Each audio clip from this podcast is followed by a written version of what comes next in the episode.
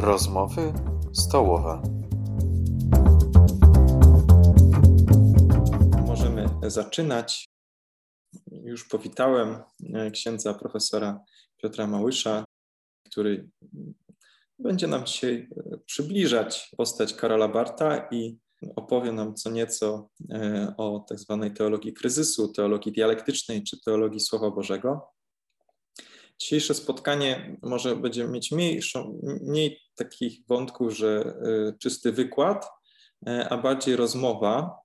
No, mamy dzisiaj wyjątkowego gościa. Po, z jednej strony e, ksiądz Piotr Małysz y, jest y, luteraninem z Polski, ale pracuje obecnie w Stanach Zjednoczonych. Poznałem go swego czasu, jak studiowałem w Stanach Zjednoczonych przez naszych wspólnych jakichś znajomych na Facebooku. Był tak dobry i nawet y, zaprosił mnie do Birmingham i pokazał mi miasto, pokazał mi uniwersytet, na którym y, wykłada teologię systematyczną i to historię Kościoła. I tak zaprzyjaźniliśmy się w tym sensie, że podzielamy też zainteresowania y, teologiczne, ale widzę, że ksiądz Małysz ma ogromną wiedzę na temat Karola Barta E, i postanowiłem go dzisiaj do nas zaprosić, aby co nieco nam opowiedział. Pamiętam, że e, z tych naszych wspólnych rozmów i, i podróży, no bo Piotr jest też zapalonym e, wędrowcem górskim, fotografem. Spędziliśmy trochę czasu w górach i na rozmowach o, o teologii nam ten czas mijał. W zasadzie doszliśmy do pewnych wspólnych wniosków i E, I, I, w ten sposób wydaje mi się, że teologię należy uprawiać w dialogu, tak? Może, może też teologia dialektyczna e, jest taką formułą uprawiania teologii. Dlatego, jeżeli Państwo mieliby jakieś pytanie, coś byście Państwo, nie wiem, nie zrozumieli do końca, albo, albo byście, nie wiem, może się nie zgodzili nawet z jakąś diagnozą, e, to, to proszę kulturalnie jak najbardziej odnieść się, zapytać, podzielić się żeby to nasze spotkanie jeszcze bardziej ubogacić. Piotrze, powiedz, dlaczego, dlaczego Bart? Dlaczego on stał się dla ciebie e, tym ważnym teologiem, e, nad którym spędzasz sporo czasu, czy spędzałeś sporo czasu podczas studiów? Znaczy, po części Bart stał się dla mnie teologiem ważnym, dlatego że um, był on ważny dla osoby, e, o której ja pisałem mój doktorat, dla Eberharda Jungla. Eberhard Jungl był studentem Karla Barta, a ja E, moja droga jest taka, e, moja droga do Stanów Zjednoczonych jest taka trochę um, powiedzmy e, zawiła. Ja tutaj nie przyjechałem ani pracować, ani nawet robić doktoratu, ale, ale robić magistra teologii na, w seminarium synodu Missouri. Więc po trzech latach um, seminarium synodu Missouri, które dało mi wgląd w taką teologię scholastyczną protestancką XVII przede wszystkim, ale też trochę XVIII wieku, Um, dla mnie było, takie, było to e, trochę takie poczucie wolności, że mogłem wyjść na, na głębsze wody e, współczesnej teologii XX wieku. Także um, i podobnie jak Bart, wydaje mi się, um, ja się nie odwracam od tej e, teologii protestanckiej, scholastycznej, ale, ale nie uważam tak jak na przykład wielu w Missouri sądzi, że, że to jest ostatnie słowo, jakie w zasadzie jest warte wysłuchania w teologii. Dla mnie, dla mnie osoby takie jak Karl Barth, które zmagają się z tradycją Kościoła, z, z całą jego myślą teologiczną, które um, i, i chcę Wam też e, Państwu też opowiedzieć tutaj, e, jeśli dojdziemy do tego, właśnie e, trochę na, na przedstawić to na podstawie konkretnej doktryny, doktryny o wyborze Bożym, o, o podwójnej predestynacji, w jaki sposób Bart um, przyjmuje czasami najtrudniejsze założenia teologii, którą odziedziczył, ale jest w stanie przemyśleć ją jakby od podstaw uh, zupełnie i, i wyjść na, y, dojść do zupełnie innych wniosków. Także y, z jednej strony właśnie Barta e, podejście do, przepraszam, e, Barta podejście do tradycji i takie bardzo poważne, ale z drugiej strony nie takie uwielbiające. A z drugiej strony to, jak Bart traktuje Biblię. Bo jeśli Państwo mieli okazję zapoznać się, nie wiem, czy po polsku istnieją jakiekolwiek tłumaczenia e, dogmatyki kościelnej, Tam są po prostu dziesiątki, jeśli nie setki stron i w zasadzie po każdej takiej powa poważniejszym rozdziale jest, jest właśnie taka, taki, taka, taki podrozdział, który czasami zajmuje, jak mówię, dziesiątki stron, w którym Bart jakby przedstawia nam swoją egzegezę biblijną, że on nie, nie wyjmuje tej teologii a, znikąd, że to jest, że on rzeczywiście poważnie zmaga się z Biblią, ani też nie używa Biblii, e, żeby po prostu jakby do, e, swoje własne wnioski teologiczne, które skądś tam wyciągnął, no. tylko jakby u, um, nie wiem. E, Witamy profesor Kalinę Wojciechowską z nami.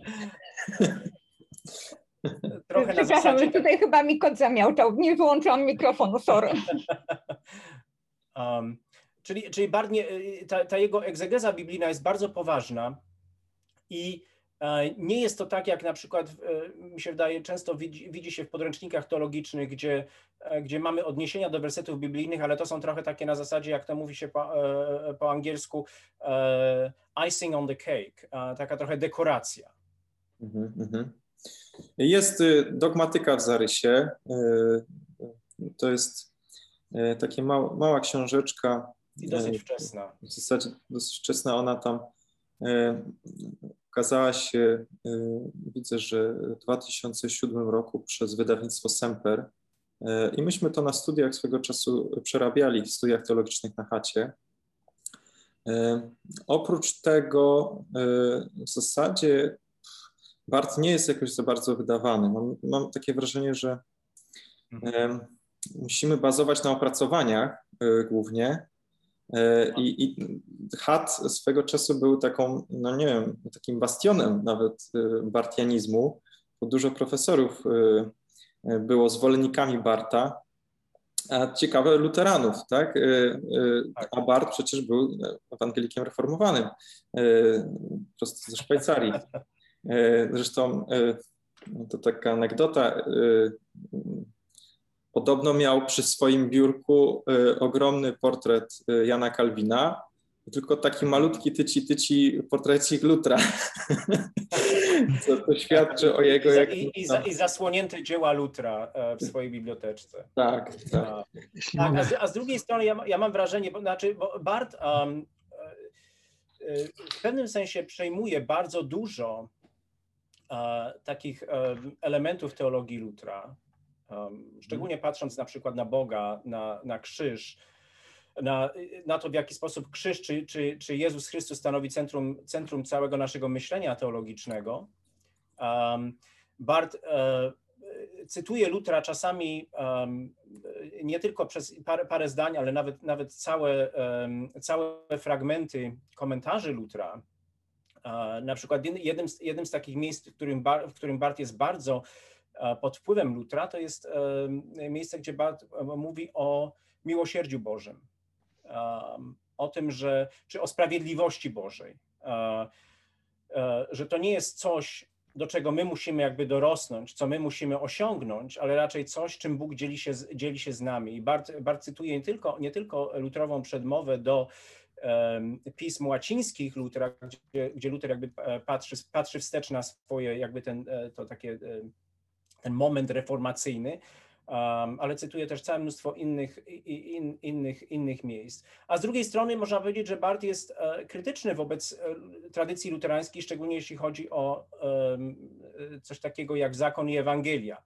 um, które w zasadzie dla teologów, którzy pisali w Niemczech, czy, czy uprawiali teologię w Niemczech w, w, w tym właśnie czasie, zakon i Ewangelia stanowiły dwa słowa Boże, a dla Barta nie ma, nie, nie ma czegoś takiego. Jest, e, trochę, to jest taka trochę nieszczęśliwa formuła Barta, że, że zakon jest jakby fo, e, formą Ewangelii, ale, ale, ale rzeczywiście dla Barta ta Ewangelia ma zupełny, zupełny priorytet Chociaż mi się wydaje, że to też właśnie jest, taka, jest taki, taki nacisk luterański, który jakby luteranizm nie do końca przemyślał. Więc dla mnie na przykład Bart jest, takim, jest taką osobą, która krytycznie podchodzi do całej tradycji, szczególnie swojej tradycji reformowanej.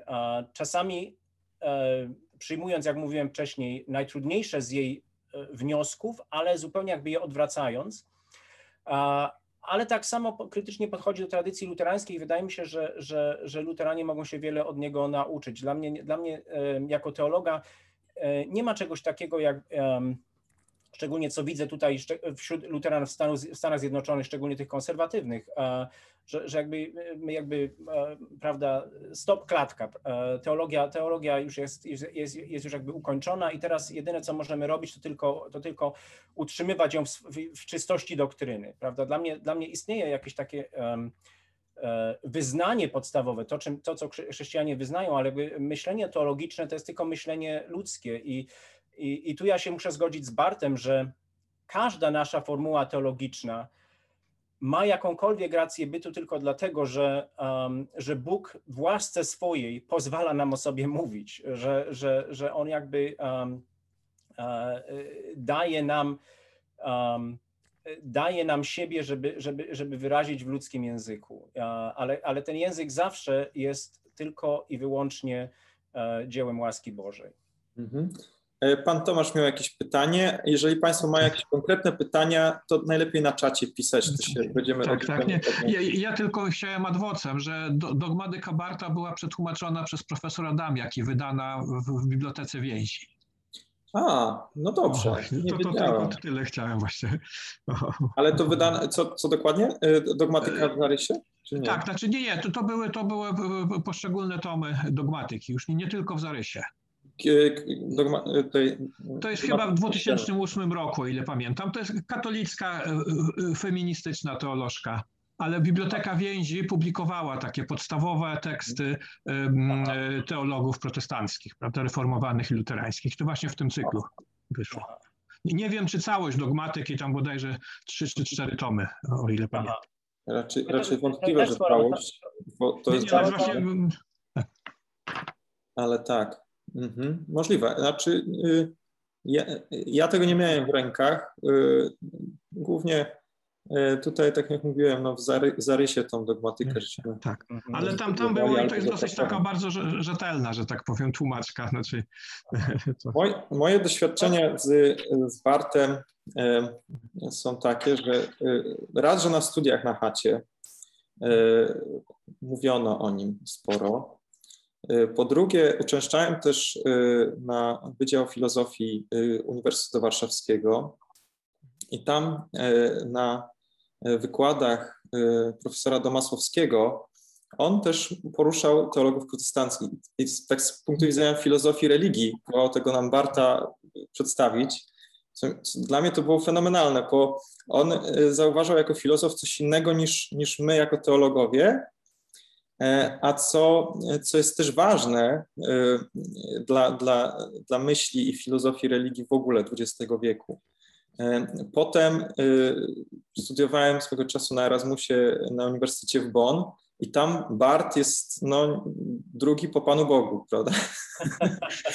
Niektórzy żartowali i E, Szwajcarzy, którzy przyjeżdżali ze Szwajcarii, w ogóle w Szwajcarii e, też e, jak ktoś tam w Bazylei nie wspomni na kazaniu o Karolu Barcie, to, to, to kazanie jest słabe, to, tak się mówi, że to mówili, że w Bonn to jeszcze jest bardziej na tym wydziale ten, ten Bart hołbiony. No i faktycznie były bardzo ciekawe, inspirujące zajęcia, ale już nie było takiej mm, E, takiej ostrości e, i, i, i, może bardziej skupianie się na tym późniejszym Barcie. E, Piotrze, jak ty uważasz, istnieje wcześniejszy Bart, późniejszy Bart, czy, czy, czy, czy oni są... Właśnie wydaje, wydaje mi się, że nie. Znaczy wiesz co, może, może tak, zanim ja odpowiem na to pytanie, bo Sebastianie, ja sobie przygotowałem taki trochę mini wykładzik. Dobra. Jeśli mógłbym od tego po prostu zacząć, a potem możemy właśnie, bo, bo ja, się, ja, ja e, e, lubię taki format właśnie rozmowy i, i, tak e, w sumie ustaliliśmy, że będziemy tak trochę luźniej rozmawiać, ale chciałbym jednak mimo wszystko e, coś powiedzieć o tym Barcie, co da nam jakby punkt wyjścia e, i przedstawić pewne takie założenia jego teologii, mhm. które po części to przedstawienie mam nadzieję, że odpowie na to, na to pytanie, czy istnieje wczesny i czy istnieje późny czy późniejszy, późniejszy BART. A, a później rzeczywiście, jeśli będziemy mieli trochę czasu, to chciałbym trochę po, po, porozmawiać jeszcze o właśnie o doktrynie predystynacji w nauce Barta i o um, doktrynie usprawiedliwienia w, w, w, w, nauce, w nauce Barta. Um, Dobrze. Także, um, w pewnym sensie już odpowiedzieliśmy na to pytanie. Teologia, konf- bo, bo ty sobie wybrałeś temat, te, czy nadałeś mi taki temat teologia, kon, teologia konflikt, kryzysu. Um, e, to słowo kryzys e, nawiązuje do tego, w jaki sposób Bart używa e, słowa krisis, greckiego słowa krisis. On, on go transkrybuje w komentarzu do Rzymian, czy w swoim liście do Rzymian, gdzie to słowo ma znaczenie zarówno e, sądu, jak i kryzysu, sądu Bożego, jak i, jak i, jak i kryzysu. Um, ale w, pewnym, w pewnym sensie rzeczywiście teologia Barta wyrasta z, z kryzysu teologii XIX-wiecznej, z kryzysu takiego klasycznego liberalizmu, ale mi się wydaje, że warto podkreślić, że dla Barta e, teologia to nie jest tylko teologia właśnie taka reakcyjna, i, I, ja, ja generalnie, jeśli nawet przyjmuję to założenie, że ona wyrasta historycznie w takim momencie, e, z takiego momentu kryzysu, to jest, to, jest, teologia, która, i to też jest w pewnym sensie jej cecha, która jakby mnie uh, uderza i, i, i, bardzo inspiruje. To jest teologia, która ma um, no tak jest taką self-confidence, jest, jest, ona, e, jest ona świadoma samej siebie. Um, i nie jest tylko właśnie teologią, teologią re, reakcyjną. Um, w jaki sposób ta teologia wyrosła? Być może, być może to, co mówię teraz, y, to dla Państwa jest rzecz znana, ale, ale wydaje mi się, że warto to podkreślić, um, bo taki klasyczny liberalizm w którym Bart został wyedukowany, choć jego ojciec był e, raczej konserwatywnym protestantem e, i profesorem Nowego Testamentu i historii Kościoła w Bernie. E, Bart bardzo szybko opuścił te kręgi szwajcarskie, nawet jeśli chodzi o swoją własną edukację. Studiował w Berlinie, w Tybinze i później, później w Marburgu, zanim został pastorem w, w Genewie na krótko i potem w, w miejscowości Safenville to, co cechowało klasyczny liberalizm, to e, takie pragnienie, które w zasadzie e, można powiedzieć, że ono, ono rozciąga się od e, Kartezjusza w XVII wieku, pragnienie podniesienia kulturowego prestiżu chrześcijaństwa. A więc połączenia chrześcijaństwa z tym, co jakby z filozoficznego punktu widzenia już jest, jakby już jest zrozumiałe, albo nawet rozumie się samo przez się, połączenia chrześcijaństwa z tym, co um, z jakimś takim apologetycznie wykorzystanym brakiem zrozumienia, albo na przykład jakimś niedostatkiem, niedociągnięciem moralnym, czy potrzebą jakąś moralną. A także połączenia chrześcijaństwa z, z można powiedzieć tutaj e, używając sformułowania Rudolfa Bultmana z, z światopoglądami, które jakby są zdemitologizowane, że to chrześcijaństwo daje się, daje się wciągnąć w, takie, w taki właśnie światopogląd i ono jakby go ubogaca. Um, czyli e, jakby założeniem klasycznego liberalizmu było to, żeby, że, że, żeby znaleźć w człowieku poprzez te wszystkie drogi um, i, i ten, to pragnienie podniesienia kulturowego prestiżu chrześcijaństwa, żeby znaleźć w człowieku jakiś uniwersalny element religijny, um, jakiś punkt kontaktu, prawda? I możemy tutaj e, zacytować e, parę osób XIX-wiecznych. E, weźmy na przykład Friedricha Schleiermachera z jego uczuciem absolutnej zależności, tak? Że zanim, zanim człowiek staje się osobą działającą, czy nawet osobą myślącą, która jakby kolonizuje rzeczywistość przez, przez swoje działanie albo przez myślenie o niej, ten człowiek e, ma taką świadomość jedności wszystkiego. I, I jakby tego, że jest sam, że nawet on sam jest sobie dany. Że, że wszystko jest dane, że nie jest, że, że, że, że rzeczywistość E, jakby ma, ma coś w sobie i człowiek e, też ma coś w sobie, co, nie, co, nie, co nie, nie wychodzi tylko z jego własnego działania i myślenia. Czyli to uczucie absolutnej zależności u Schleiermachera. Prawda? U Kanta um, mamy nacisk na, na, na rozum, na wiedzę, ale też mamy nacisk na wiarę. Kant mówi w pierwszej krytyce, że, że musiał ograniczyć rozum, żeby, żeby zrobić miejsce e, wierze, i, i ta, z tym, że ta wiara Kanta jest taka dosyć słaba, prawda? Ona, tam, ona się w zasadzie uzasadnia, czy, czy jakby um, widać ją w, w działaniu moralnym. Ponieważ w moim w własnym działaniu moralnym jakby afirmuje um, świat tak, jakby chciał, tak jakbym chciał, żeby on był stworzony przez Boga, prawda? Że, że jakby nie, nie, nie, nie um, zgadzam się na świat taki, jaki jest, ale, ale um, w własnym działaniu moralnym ja chcę, jakby chcę, żeby był Bóg. Um, czyli coś takiego widzimy, widzimy u Kanta. To, ta, ta myśl zostaje potem podniesiona później w XIX wieku przez E, Albrechta Richla, który, który w zasadzie z tą swoją teologią Królestwa Bożego mówi, że, że to, co, to, co chrześcijaństwo wnosi do kultury, to jest mowa o tym, jak rzeczy mają być.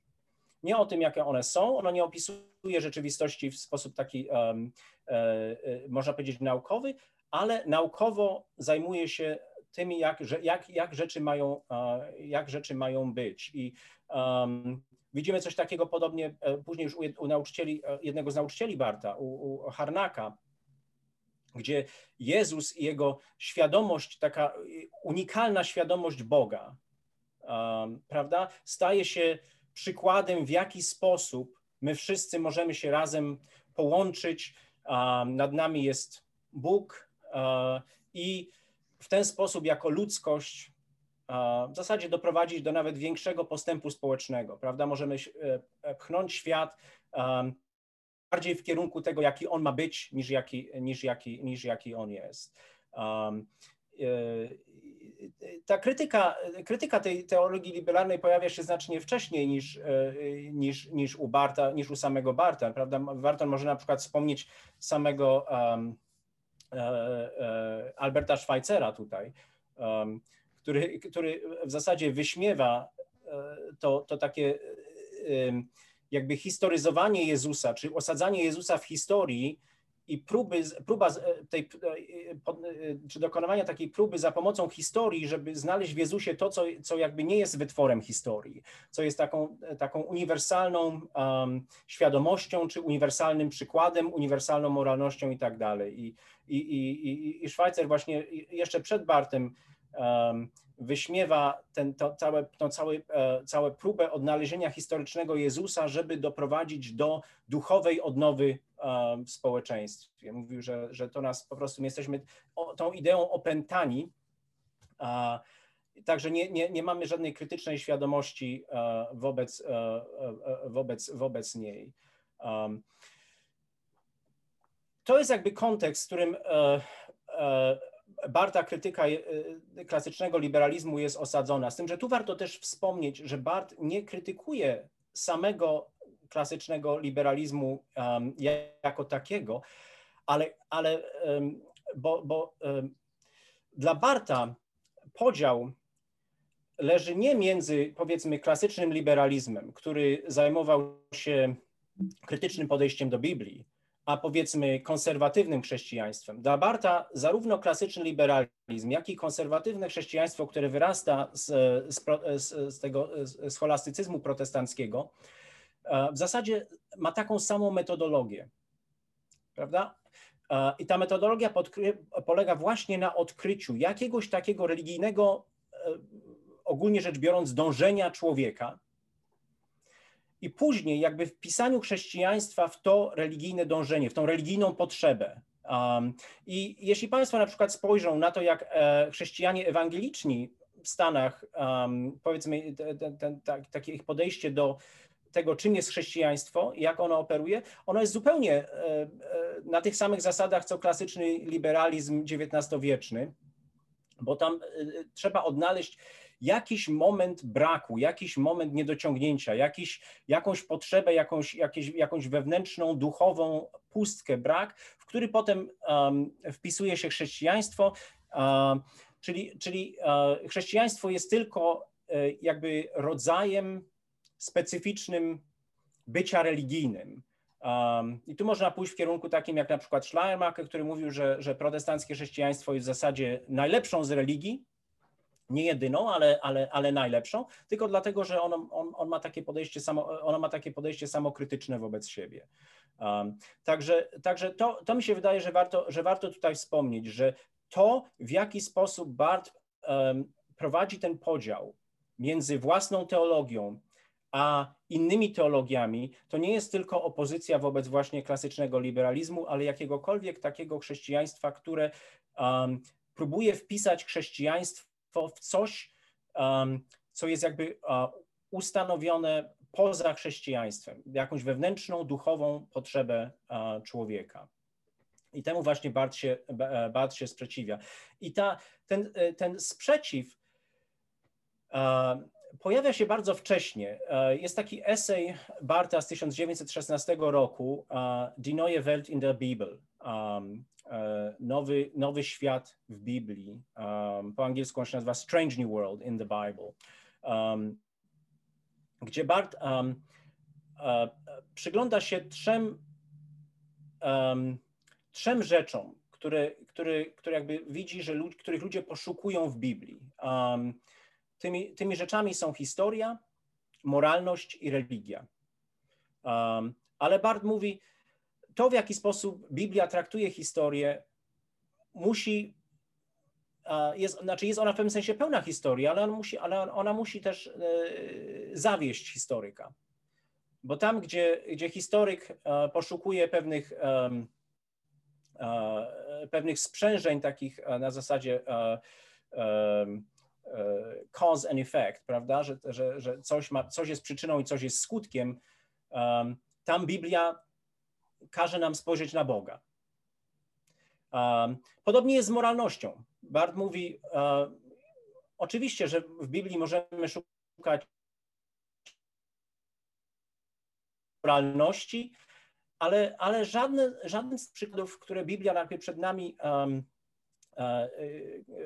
który nam przedstawia, nie jest, takim, nie jest jakimś tam powiedzmy e, no, przykładem zupełnie moralnym, prawda? No, to, nie, to nie, nie, nie chodzi tylko na przykład o Abrahama, ale spójrzmy na przykład o, o Saula i Dawida. W jaki sposób ich wina jest traktowana przez, przez Boga. Z jednej strony Saul jest tym odrzuconym królem, chociaż w porównaniu z tym, co, co czyni król Dawid, E, jego wina jest znacznie mniejsza. To jest coś, co Bart, e, Bart później nad czym będzie się zastanawiał w takiej długiej, długiej egzegetycznej, e, egzegetycznym rozdziale w, w swoim w swojej części dogmatyki, która mówi o predestynacji i o tym, jak wybiera i odrzuca. No i wreszcie religia. Bart mówi, oczywiście, że Biblia pełna jest religii, ale to o nie, nie o religię w Biblii chodzi, w Biblii chodzi, to o nie naszą, nie naszą religijność, czy o nie, nie naszą duchowość w Biblii chodzi. To nie chodzi o to, jak my myślimy o Bogu. Bart, Bart stawia to w ten sposób. W Biblii, Biblia nie, w Biblii nie chodzi o to, jak my myślimy o Bogu, czy nawet mamy myśleć o Bogu, ale w jaki sposób Bóg myśli o nas. Prawda? Czyli um, i w historii, czy w tym wymiarze historycznym Biblii, i w tym wymiarze moralnym. Dlaczego Bóg wybiera tego, a nie innego człowieka? A i w wymiarze religijnym to nie jest, nie chodzi o doświadczenie człowieka, czy o działanie człowieka, a, czy o myśli człowieka, a, ale właśnie o Boga. I, i to i, i, właśnie w tym, w tym wczesnym eseju jakby pojawia się um, już ten nacisk na Bóg w centrum, ale znowu nie jakiś tam Bóg, czy jakiś tam, jakaś tam boskość, ale Bóg bardzo konkretny. Ten Bóg w historii, Bóg w e, Bóg działający. I tutaj w, tym, w tym, w tym e, wczesnym eseju jest też, e, co jest ciekawe, Bart też jakby podnosi kwestię etyczną chrześcijaństwa. I to jest coś, co jest bardzo, e, bardzo takim ważnym elementem e, w całej jego myśli, że dogmatyka jest etyką. Nie ma jakiegoś obcego czy innego źródła etyki poza, poza dogmatyką. I, I właśnie tutaj jakby Bart stawia takie pytanie, dlaczego w Biblii widzimy to działanie Boże, widzimy, widzimy um, te wielkie przesunięcia ludów, um, wielkie wojny, um, niesamowite rzeczy, które się dzieją, wygnania, powroty i tak dalej. Um, w Biblii widzimy Sa e, Saula Szawła, który staje się Pawłem, prawda? czy to wszystko, czy celem tego wszystkiego jest tylko to, żeby dać nam jakiś wewnętrzny spokój i możliwość osiągnięcia um, osiągnięcia życia wiecznego po śmierci? Um, I Bart oczywiście odpowiada nie, bo Bóg nie jest tylko Bogiem, który teraz, e, prawda, oczekuje nas tylko gdzieś tam w jakimś innym wymiarze, ale jest, jest Bogiem tylko i wyłącznie właśnie na ziemi, Bogiem, e, Bogiem z nami. Więc, więc już tym, już tym wierszym, w pierwszym e, wczesnym eseju, kazaniu, jeśli, jeśli to trochę podsumować, to co powiedziałem i trochę wyjść poza to, to można powiedzieć tak, że mamy nacisk na to, czym jest Bóg. Bóg zawsze na pierwszym miejscu. I Bóg jest na pierwszym miejscu zarówno epistemologicznie, czyli to, w jaki sposób poznajemy Boga, to jest nie zaczynając od siebie, um, jakiegoś ludzkiego losu czy uh, ludzkiego stanu, czy nawet naszego pojęcia na tym, czym jest bos, o, o tym, czym jest boskość, ale zaczynamy od tego, gdzie Bóg daje samego siebie poznać. Czyli Bóg na pierwszym miejscu pod względem epistemologicznym. Nie zaczynamy od własnego doświadczenia, ale zaczynamy zawsze od Boga. Ale Bóg też na pierwszym miejscu ontologicznie. Um, Bóg nie jest tylko dany nam w naszym doświadczeniu, um, czy, czy, w, e, czy w objawieniu. Um, Bóg e, jest tym, który e, sam siebie objawia i w objawieniu nie czyni nic innego niż to, co czyni już sam wewnątrz swojego życia jako Trójca Święta. Um, czyli Bóg ontologicznie też ma priorytet, bo um, wychodząc ku nam, pozostaje tym, kim jest. W, swoich konkretnych historycznym, w swoim konkretnym historycznym działaniu pozostaje Bogiem a, i objawienie ma ten charakter, ma właśnie taki charakter historyczny. My podążamy za Bogiem. Um, nie jest tylko jakąś, e, jakimś takim, powiedzmy, daniem gnozy, um, przekazywaniem, przekazywaniem wiedzy. Um, I w tym wszystkim, w tym pierwszeństwie Boga, widzimy właśnie, co dla Barta jest bardzo znaczące, widzimy Bożą wolność i Bożą podmiotowość. Bóg jest, Bóg jest tym, który żyje, przemawia i działa. tym, który E, wkracza w, w, w, do wnętrza historii, żeby w pewnym sensie ją też rozsadzić. Um, I czyni to właśnie jako, e, jako e, przede wszystkim w Jezusie, który jest właśnie Słowem Bożym, bo jak Bart później podkreśli, działanie Boże nie jest nieme. Um, to przede wszystkim dzieła Boże przemawiają, zanim będziemy mieli jakąś, powiedzmy, świadomość Słowa Bożego jako coś, co jest nam e, przekazane w zapisie. Um, czyli to jest jakby pierwsza, um, pierwszy, ważny, pierwszy, pierwszy ważny wymiar teologii Barta w tym, w tym wczesnym eseju. A drugim takim ważnym wymiarem jest, jest to, jak Bart myśli o człowieku.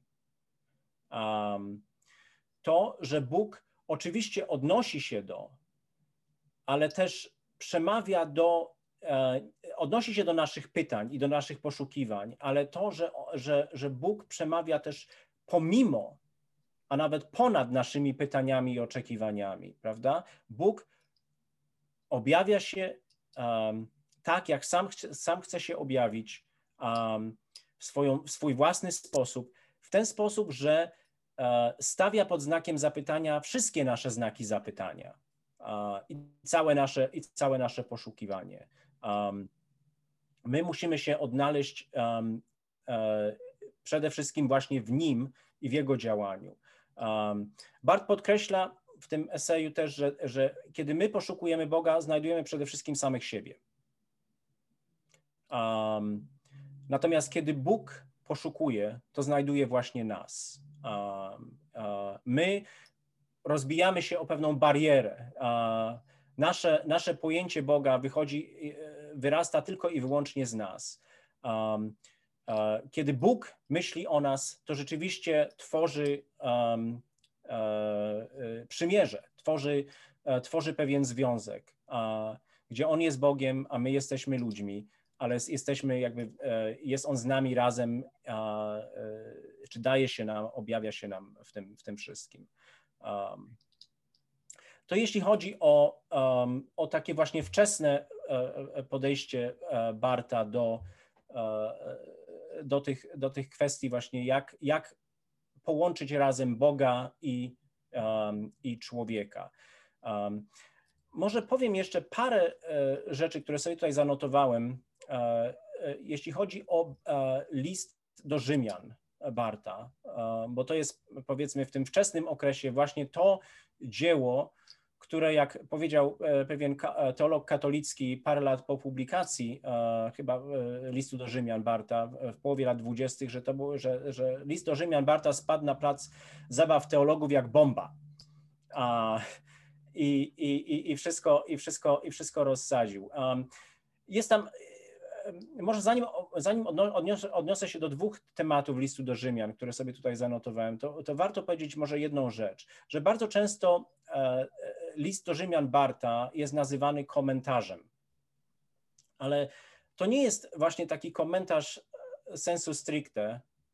Bart nie komentuje listu do Rzymian, ale on, on jakby pisze razem z Pawłem list do Rzymian dla swojego E, dla swojego własnego czasu. E, jakby przepisuje, transkrybuje, myśląc razem z Pawłem e, list do Rzymian. Nie, on nie komentuje tego listu. Jeśli szukamy w nim właśnie jakiegoś takiego komentarza, tego tam nie znajdziemy. Bardzo często ludzie, którzy czytają krytyczne komentarze do Biblii, nie wiedzą, co, co, co począć z listem do Rzymian Barta. Ciekawe właśnie w tym liście do Rzymian jest to, że że to właśnie e, teolodzy, e, którzy stanowili tło jakby takiej edukacji Barta, czyli ci liberalni teolodzy, oni zajmują miejsce Żydów um, z Pawłowego listu do Rzymian, prawda? Oni są tymi, którzy mają pewne dary, mają, e, e, mają pewną myśl, mają pewne objawienie, mają pewną zdolność i, i zamiast rzeczywiście poddać się Bogu w tym wszystkim, jakby, jakby wykorzystują to uh, tylko i wyłącznie, żeby, żeby wkraść się w sekrety Boga i jakby omijają Boga, czy, czy, czy, czy jakby przechodzą obok Boga w jego własnym, w jego własnym objawieniu. Uh, I to jest właśnie fascynujące w, w tym w Bartowym liście do Rzymian, który jest, e, co warto może też podkreślić tutaj, pełen i, do, i Dostojewskiego, i Kierkegaarda, i niczego, i, i tak dalej, więc, więc e, e, retorycznie jest taki powiedzmy ol, olśniewający, dazzling, jak ja to mówię moim, moim, moim studentom.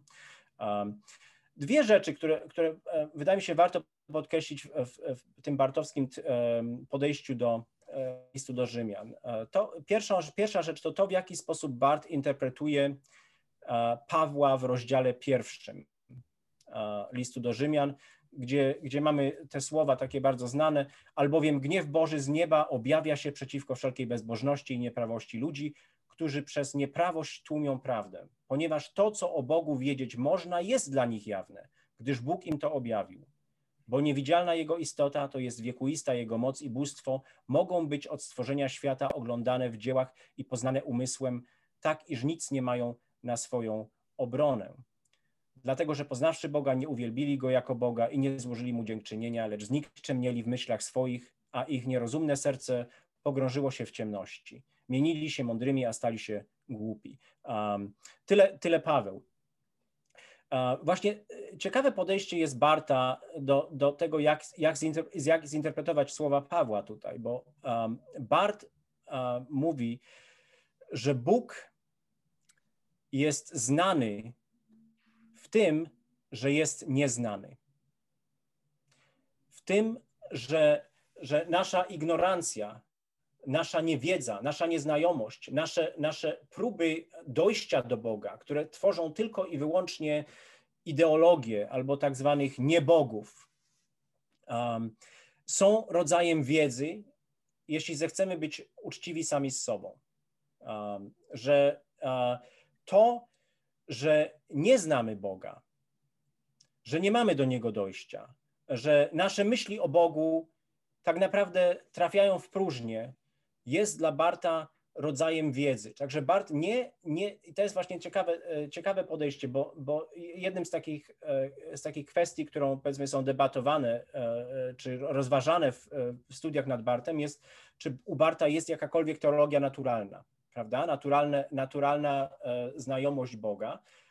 E, I bardzo często odpowiedź jest nie. Bart ma bardzo mnóstwo różnych e, takich mniejszych lub większych dygresji na temat teologii naturalnej generalnie jest jej, jest jej, jest jej przeciwny z tych względów, jak, jakich wcześniej um, e, powiedziałem, że ona zwykle wychodzi od, od naszych potrzeb i jakby wpisuje Boga czy chrześcijaństwo w te nasze potrzeby. Um, ale, ale nie można tak do końca powiedzieć, że Bart tej teologii naturalnej nie ma, bo dla Barta to, że my nie trafiamy z naszymi myślami w Boga, czy z naszymi dążeniami w Boga, um, ta ignorancja jest rodzajem wiedzy. I w tej ignorancji mamy w zasadzie, Bart mówi, do czynienia z samym Bogiem, ponieważ to, że Bóg daje nam, czy, czy, czy jakby oddaje nas, oddaje nas pod kontrolę naszych własnych niebogów, że Bóg daje nam zakosztować tego, czym są nasze ideologie i na ile one są w stanie nas zbawić, w tym objawia się dla Barta właśnie gniew Boży, w którym Bóg sam jest obecny. Czyli um, mamy nie tylko do czynienia z wiedzą o Bogu. Kiedy przyznamy, że, kiedy przyznamy, że Go nie znamy, już coś o Nim wiemy i wiemy coś o Jego mocy, Jego wolności i tak dalej, a, ale nawet wtedy, kiedy, za, za, za, e, kiedy zakosztujemy własnych, um, uh, własnych bożków, uh, w, tych, w tym um, oddaniu się własnym bożkom mamy do czynienia z samym Bogiem, z prawdziwym Bogiem um, w, jego, uh, w Jego gniewie. Bóg to tak jakby w ten sposób Bóg mówi, dla nas, Bóg mówi do nas, tak jak chcecie, niech tak będzie. Um, i, i, i, czyli, czyli w pewnym sensie jest to, jest to e, taka teologia, negatywna teologia naturalna, ale to nie jest do końca brak teologii, e, teologii czy e, teologii naturalnej. Bóg jest z nami, nawet kiedy go nie, nawet kiedy go nie znamy.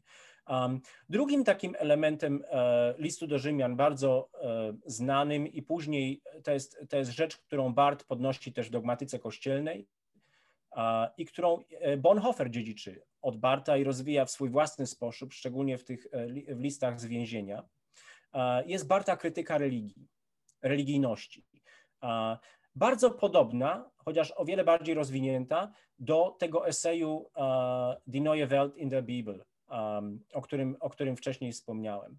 Barth razem z Kierkegaardem mówi, że religia czy duchowość, jakaś taka e, spirituality po angielsku, um, to jest najwyższa, najbardziej szlachetna um, i, i najbardziej um, i można powiedzieć ostatnia z ludzkich możliwości. Najwyższa, najbardziej szlachetna, ostatnia z ludzkich możliwości. To, że my jesteśmy w stanie powiedzieć nie dla świata, że jesteśmy od tego świata lepsi, że jesteśmy się w stanie ponad ten świat wznieść. Um, e, dla, dla, dla Barta jakby to docenia, że my, że my mamy w sobie tą możliwość myślenia o wieczności. Um, to jest ostatnia z ludzkich możliwości, najwyższa z ludzkich możliwości, ale właśnie tutaj Bart powie też, że jako taka jest to też szczyt, jako taka możliwość jest to też szczyt grzechu. Um, że nasza religijność, nasza duchowość um, zawiera w sobie pamięć utraconego związku z Bogiem. Związku, który jakby my chcemy naprawić czy zrekonstruować z własnej, z własnej strony. Um, że ta religia zawiera w sobie, że religia zawiera w sobie religijność, duchowość zawiera w sobie ten element oddalenia od Boga, który my chcemy jakby zniwelować. Z tym, że co jest znowu fascynujące, i to jest taka ta dialektyka religii, właśnie w liście do Rzymian. Szczyt grzechu, ostatnia, najwyższa, najbardziej szlachetna z ludzkich możliwości.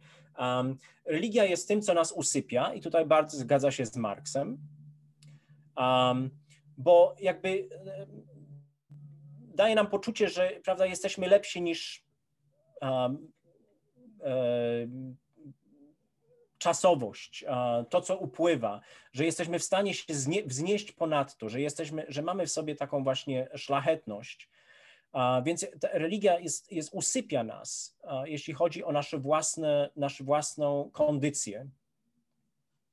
A, a z drugiej strony religia jest też tym, co przecina nas na pół, um, co e, w taki bardzo e, niczowski sposób um, powoduje wojnę mnie z samego sobą, ponieważ w religii ja wiem, że ja do tej religii nie dorastam, że ja, ja tak naprawdę nie jestem ponad to wszystko.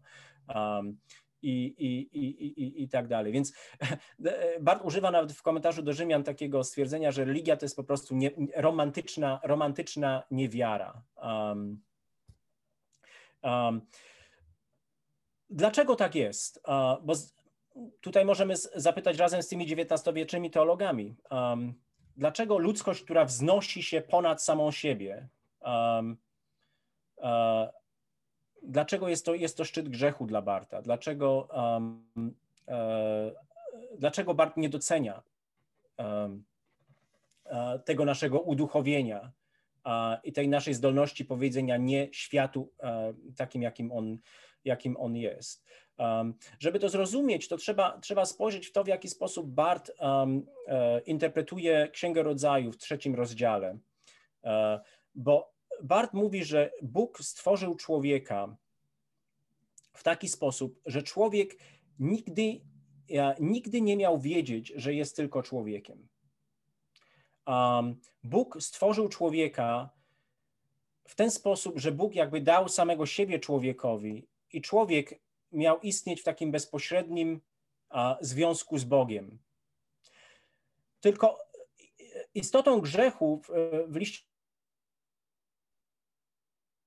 z, z, z takich objawień grzechu jest to, że um,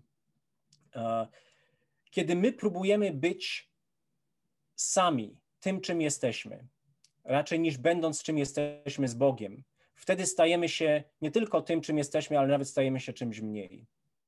Prawda? Kiedy człowiek próbuje być człowiekiem a w odseparowaniu od Boga, um, staje się czymś mniej.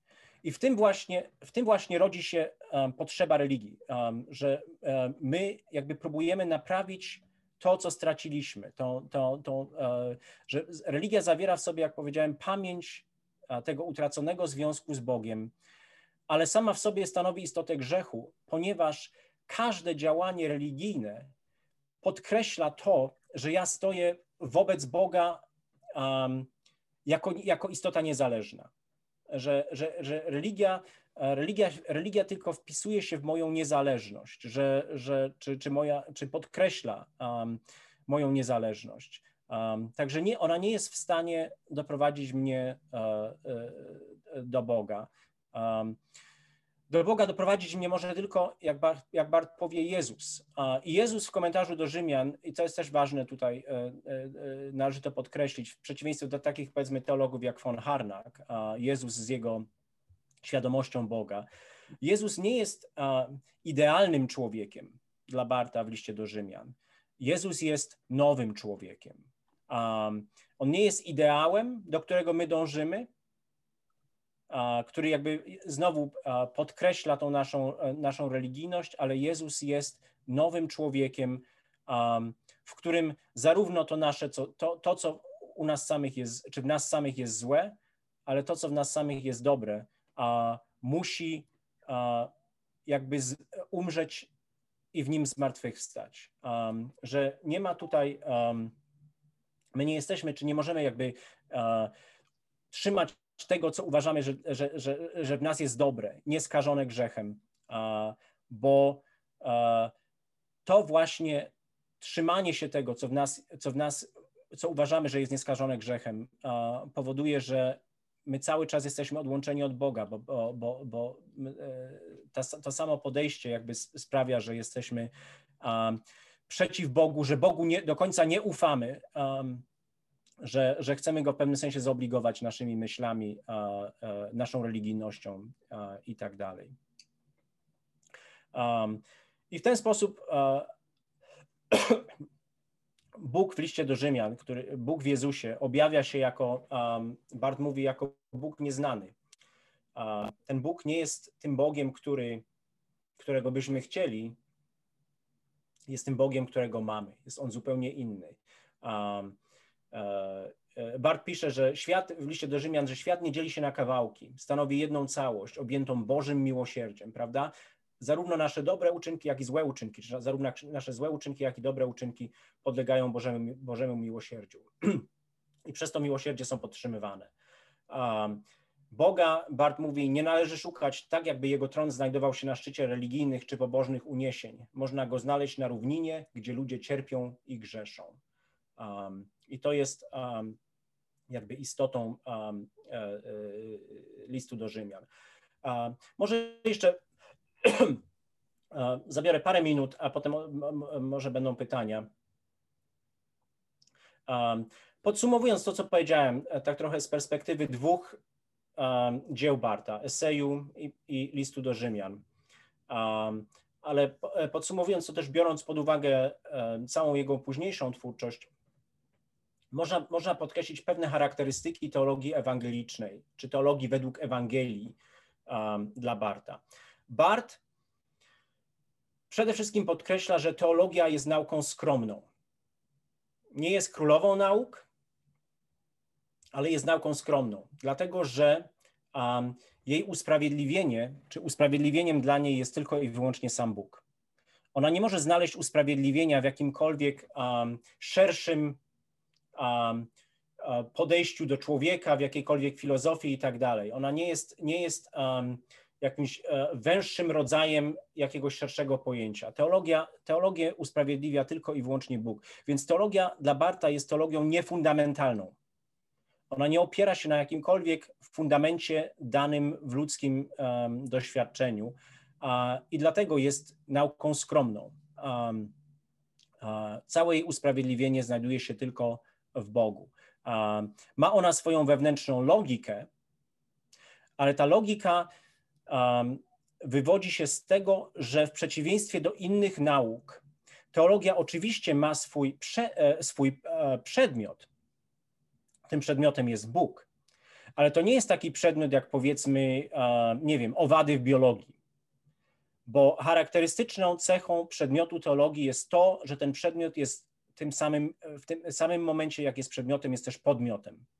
Bóg daje nam siebie, byśmy mogli go poznać i byśmy mogli się nim cieszyć. Z tego właśnie wywodzi się to, że teologia jest, nie, jest, nie jest nauką fundamentalną, i z tej wewnętrznej właśnie logiki. Teologia oczywiście, i tu Bart podkreśla to e, w zgodzie z, e, z, z całą tradycją teologiczną, zarówno tą XIX-wieczną, jak i, jak i dawniejszą, że, że są podrzędne założenia czy elementy, które wpisują się w uprawianie teologii. Teologia odnosi się do takich kategorii jak ludzkie istnienie, jak wiara, wiara tych ludzi, którzy dali posłuch Ewangelii, E, odnosi się do ludzkiego rozumu i języka. One leżą, w kierunku, e, one leżą Bart mówi, w kręgu, za, w kręgu zainteresowań teologii, a, ale leżą w, w kręgu zainteresowań teologii tylko dlatego, że teologia przede wszystkim interesuje się Bogiem. Um, teologia jest wolna jako nauka od konkretnej antropologii czy ontologii. A ona, nawet Bart, można, e, można powiedzieć za Bartem, nie poddaje się obcej analizie krytycznej. Teologia jest osadzona w kościele, w nabożeństwie kościoła, ale jest taką e, dyscypliną nie, zupełnie bez wstydu. Można, można by to w ten sposób powiedzieć. Unapologetic. ona nie musi za siebie przepraszać. Um, Bart, e, Bart, mówi i nie musi szukać usprawiedliwienia gdzie indziej niż poza, poza Bogiem. Z tym, że kiedy mówimy o Bogu, oczywiście, i tutaj jest jakby trzeci, e, e, trzeci element tego, w jaki sposób Bart opisuje teologię. Przedmiotem teologii jest Bóg w historii swoich dzieł. Um, I tu moglibyśmy oczywiście mówić, e, czy porozmawiać szerzej o, o tym, czym dla Barta jest Boże Słowo. A Boże Słowo to przede wszystkim Jezus w Izraelu i Izrael w Jezusie.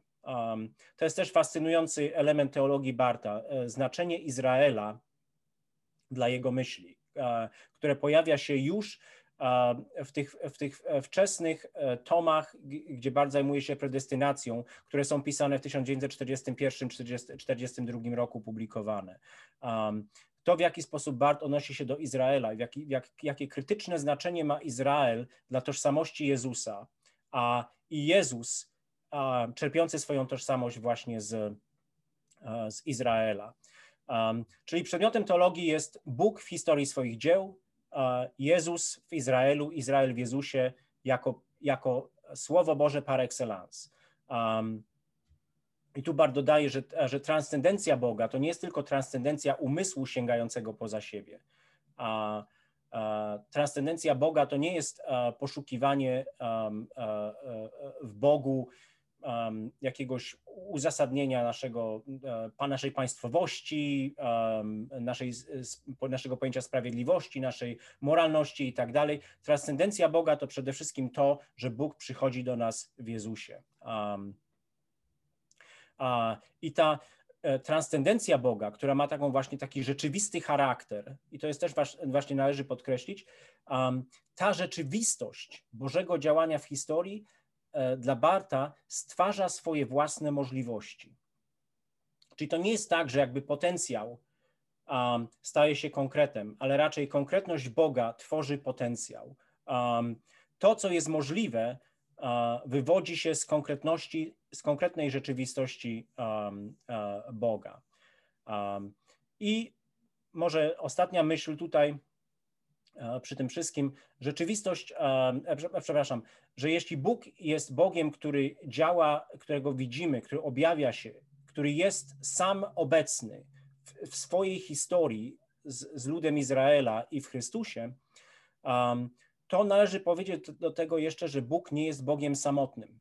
Bóg nie jest dla Barta więźniem swojego statu. A w bardzo taki kreatywny sposób rozprawia się z, z, z, dogmatem tego, że Bóg jest niezmienny. Um, w pewnym sensie go przyjmuje, ale przyjmuje go etycznie raczej niż metafizycznie. Um, dla Barta ważne jest to, że Bóg nie jest ani obok człowieka, czyli nie jest kimś takim jak ja, nie jest wytworem mnie samego, ale Bóg nie jest też ponad człowiekiem, a Bóg dla Barta jest przy człowieku, z człowiekiem, ale przede wszystkim dla człowieka, a, prawda? Przy, a, a, z człowiekiem, przy człowieku i dla człowieka. I dla Barta jakby to, to, co definiuje człowieka, to właśnie nie jest, jeszcze raz to należy podkreślić, nasza religijność czy duchowość. To, co definiuje człowieka, to wdzięczność. Um, I tutaj jakby bardzo nawiązuje do Kalwina, bo to jest też ważnym elementem nauki Kalwina. Wdzięczność człowieka, która jest odpowiedzią człowieka na dobro Boże, na to, jak Bóg jest, na, Bóg jest dobry. Może przerwę tutaj, bo widzę, że, że już w zasadzie doszliśmy do godziny i nawet jeszcze nie, nie, nie zacząłem opowiadać o, o predestynacji czy o usprawiedliwieniu, ale. ale e, to jest może, szeroki może, temat. Prze, może, może, może zrobimy sobie kolejne spotkanie kiedyś tam na temat właśnie konkretu, bo ja e, e, może ostatni, ostatnia uwaga. Dla mnie, dla mnie właśnie to, co jest fascynujące w, w Barcie, um, jest nie to jakby, nie są to, to te, te, wczesne definicje teologii, to nie jest właśnie ta teologia, jak wcześniej powiedziałem, e, kryzysu, czy od, od, teologia jak odpowiedź na pewien kryzys, ale, to jest, ale jest im właśnie tym, to kreatywne zaangażowanie w tradycję i myśl Kościoła, które bierze poważnie wszystko, co chrześcijaństwo intelektualnie wypracowało, ale um, ponieważ bierze to na poważnie, też poważnie się z tym rozprawia. I, i, i to dla mnie, dla mnie stanowi e, właśnie jakby istotę tego, czego możemy się od Barta, e, od Barta nauczyć. Dobrze, no y, dzięki za, za wykład. Y, y, czy są jakieś pytania? Tutaj jest, widzę na czacie, pytanie się pojawiło.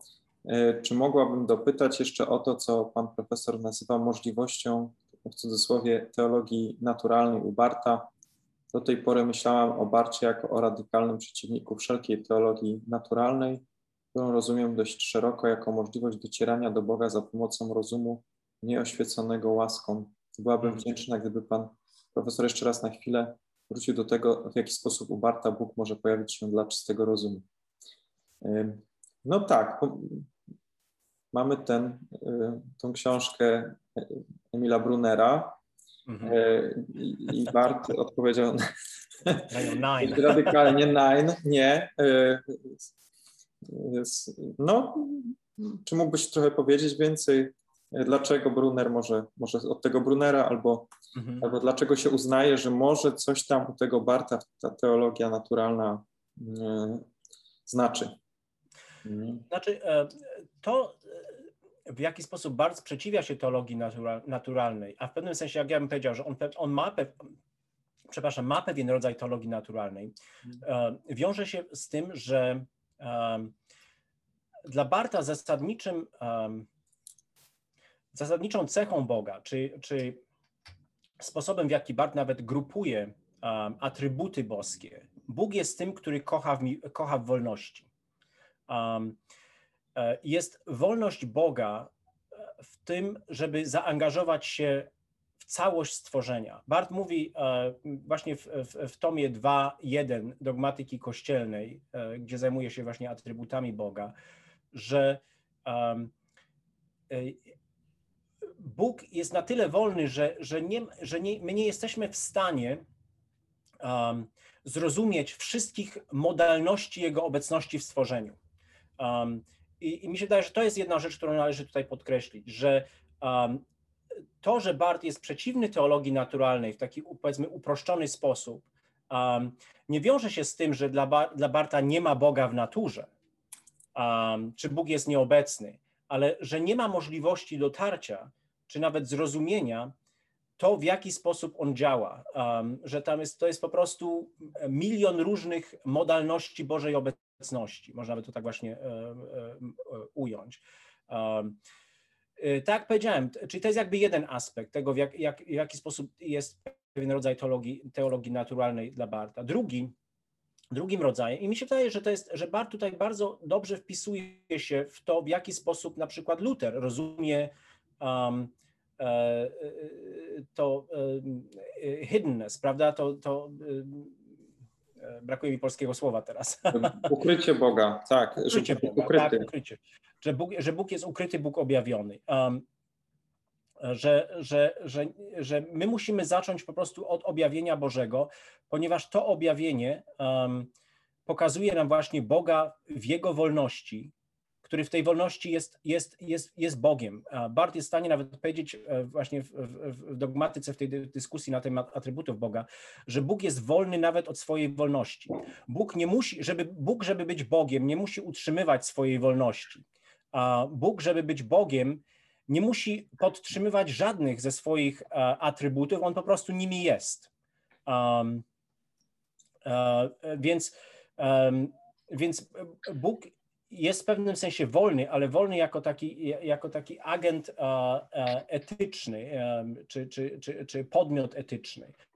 Um, to jest, to jest, no, to jest z kolei, z kolei druga, druga rzecz. A, a, a, a trzecia rzecz, to, to tak jak powiedziałem w tym komentarzu do Rzymian, że to, że nie mamy bezpośredniego, bezpośredniej znajomości Boga w Jego wolności, to, że nasze myśli o Bogu jakby zawsze tworzą takiego Boga statycznego, który Bart mówi, bardziej ma więcej wspólnego z Bożkiem niż z Bogiem.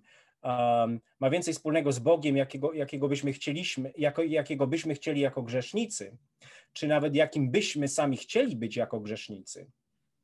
Um, to e, nie oznacza, że Bóg nie jest, że, że, że, że um, to nie oznacza, że nawet ta nasza, że nasza niewiedza, że jest po prostu tylko niewiedzą. Jeśli rzeczywiście przyznamy się sami, sami przed, e, e, przed sobą, że nasze pojęcie boskości um, ma więcej wspólnego właśnie z takim bałwochwalstwem, że to jest rodzaj wiedzy, że my znamy Boga w tym, że go nie znamy. I w tym, że go nie znamy, jesteśmy otwarci na samego Boga. Czyli jest to w pewien sposób jakby, jakby jak, jakaś tam teologia, teologia naturalna. Tylko nie jest to taka teologia naturalna, która um, metafizycznie um, zajmuje się ludzkim doświadczeniem czy światem i wywodzi byt Boga z niego. Bart mówi, że Bóg jest o wiele bardziej wolny wolny, żeby kochać, żeby wejść w historię, żeby w tej historii z nami być, nawet kiedy my się go zapieramy, niż, niż, niż te wszystkie nasze takie powiedzmy umysłowe konstrukty by na to pozwalały. Hmm. Czy mógłbym zapytać o dwie rzeczy? Jeszcze wcześniej było pytanie Filipa, e, czyli mamy tak, e, Bogusława zgłoszonego.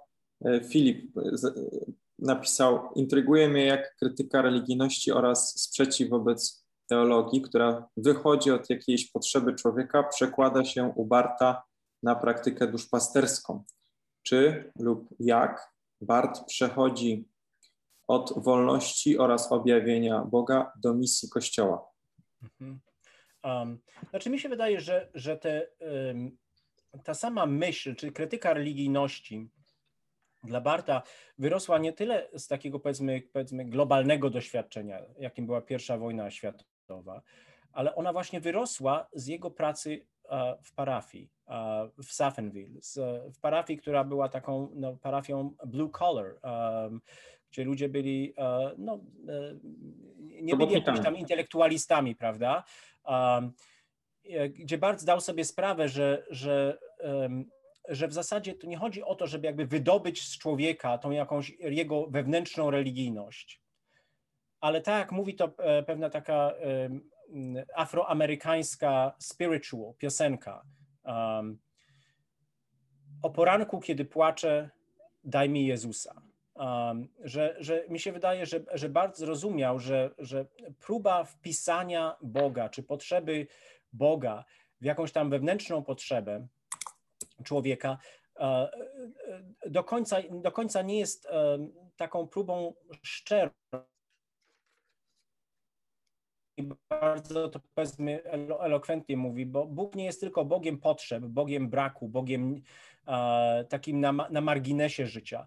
Bóg jest w samym centrum życia, że, że, że e, e, istotą, istotą kazania nie jest to, żeby e, uprawiać apologetykę chrześcijaństwa dla ludzi, którzy nie wierzą, żeby, żeby być może uwierzyli, ale istotą chrześcijaństwa jest po prostu dawanie Jezusa um, non-stop, ciągle. Um, E, e, jakby podążając za tym, co Bóg, co Bóg uczynił. Więc, więc w pewnym sensie jakby Bart zdejmuje um, taki ciężar z pracy duszpasterskiej, że, że, że jak ja mówię na przykład swoim studentom, my nie jesteśmy, naszym zadaniem nie jest tworzenie wiary u ludzi, czy wydobywanie jakiejś ich wewnętrznej wiary, a naszym zadaniem jest to, żeby być wierni Ewangelii, że Bóg zajmuje się wiarą. Um, więc jest to, jest to taka trochę teologia może, może frustrująca, bo, ona, bo w, w, obecnych czasach, szczególnie w takich warunkach tutaj amerykańskich, które nastawione są prawda, na, na rezultaty, um, bardzo widzę u, u, tych moich e, studentów, którzy są e, ewangelikalnymi chrześcijanami, jest, jest taki, no, jest taki um, napór, żeby sprzedać tą Ewangelię, prawda? Żeby znaleźć jakieś miejsce w człowieku, gdzie, które można by tym Jezusem wypełnić.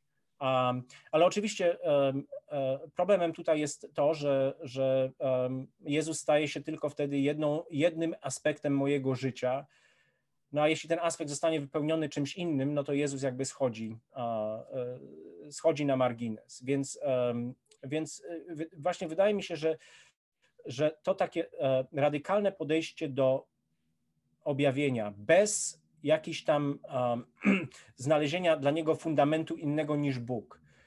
Um, ma taki dosyć duży duszpasterski, duszpasterski wymiar. Oczywiście um, tak powiedziałem wcześniej, bardzo zajmuje się aspektami człowie- e, e, ludzkiego istnienia i tak dalej.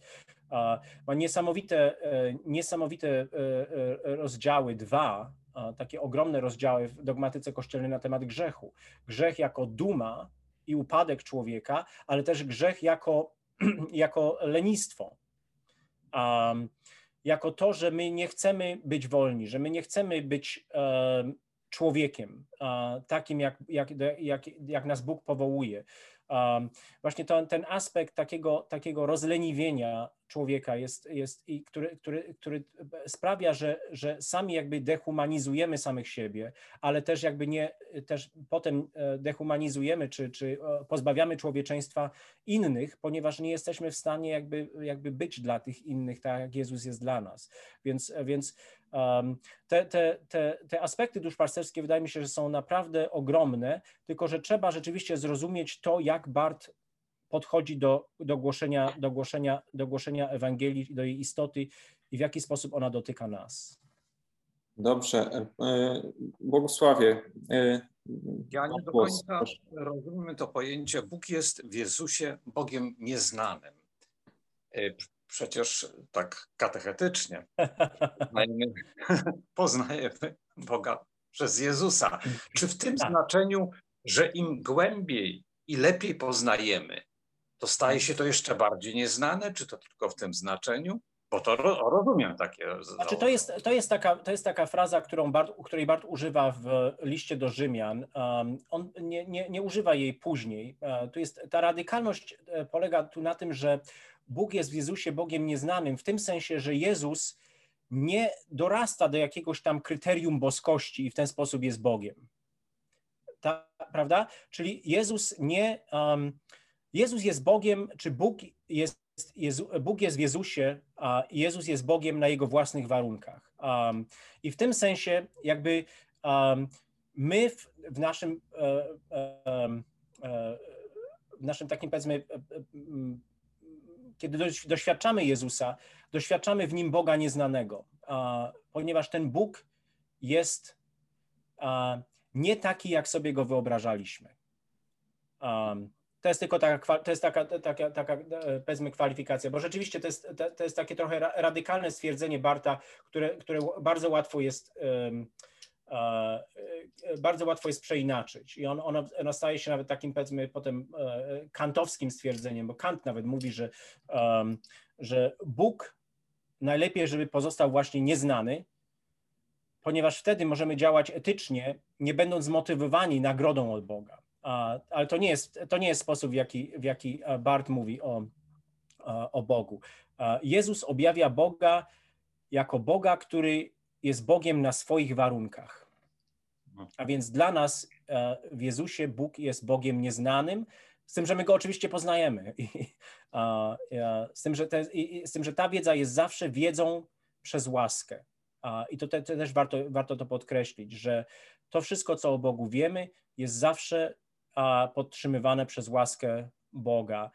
My nigdy tej wiedzy nie, jakby nie, um, nie zabieramy ze sobą. Mhm. Druga e, rzecz, to co, jeżeli można, druga rzecz jeszcze, króciutka. Tak, można? Proszę, tak. To, co definiuje człowieka, to nie jego religijność, ale wdzięczność. Ale czy religijność nie zakłada wdzięczności? Um, nie, ponieważ przynajmniej tak jak Bart ją interpretuje. moglibyśmy oczywiście szerzej porozmawiać na temat tego, czy religijność zawiera wdzięczność, czy duchowość zawiera wdzięczność. E, dla Barta, dla Barta e, tym jakby głównym um, takim niebezpiecznym aspektem religijności jest to, że my zaczynamy wierzyć we własną religijność. Że religijność łączy się z tym, że my nie do końca jesteśmy w stanie zaufać Bogu, jeśli chodzi o nas samych prawda? Że my być może ufamy Bogu w ten sposób, jak ja jestem w stanie zaufać komuś i powierzyć mu klucze do mojego samochodu, czy klucze do mojego domu, ale że nie jesteśmy w stanie um, jakby rzeczywiście, uh, nie wiem, jakby um, wejść w Boga, położyć się w Bogu, a, e, e, że tak rzeczywiście polegać na Bogu, tak by należało po polsku powiedzieć, że, że jakby że ta religijność jest taką rezerwą, którą sobie tutaj zawieramy, że, że gdyby coś szło nie tak, to zawsze możemy przedstawić Bogu naszą własną duchowość jako jako pewne, pewne osiągnięcie.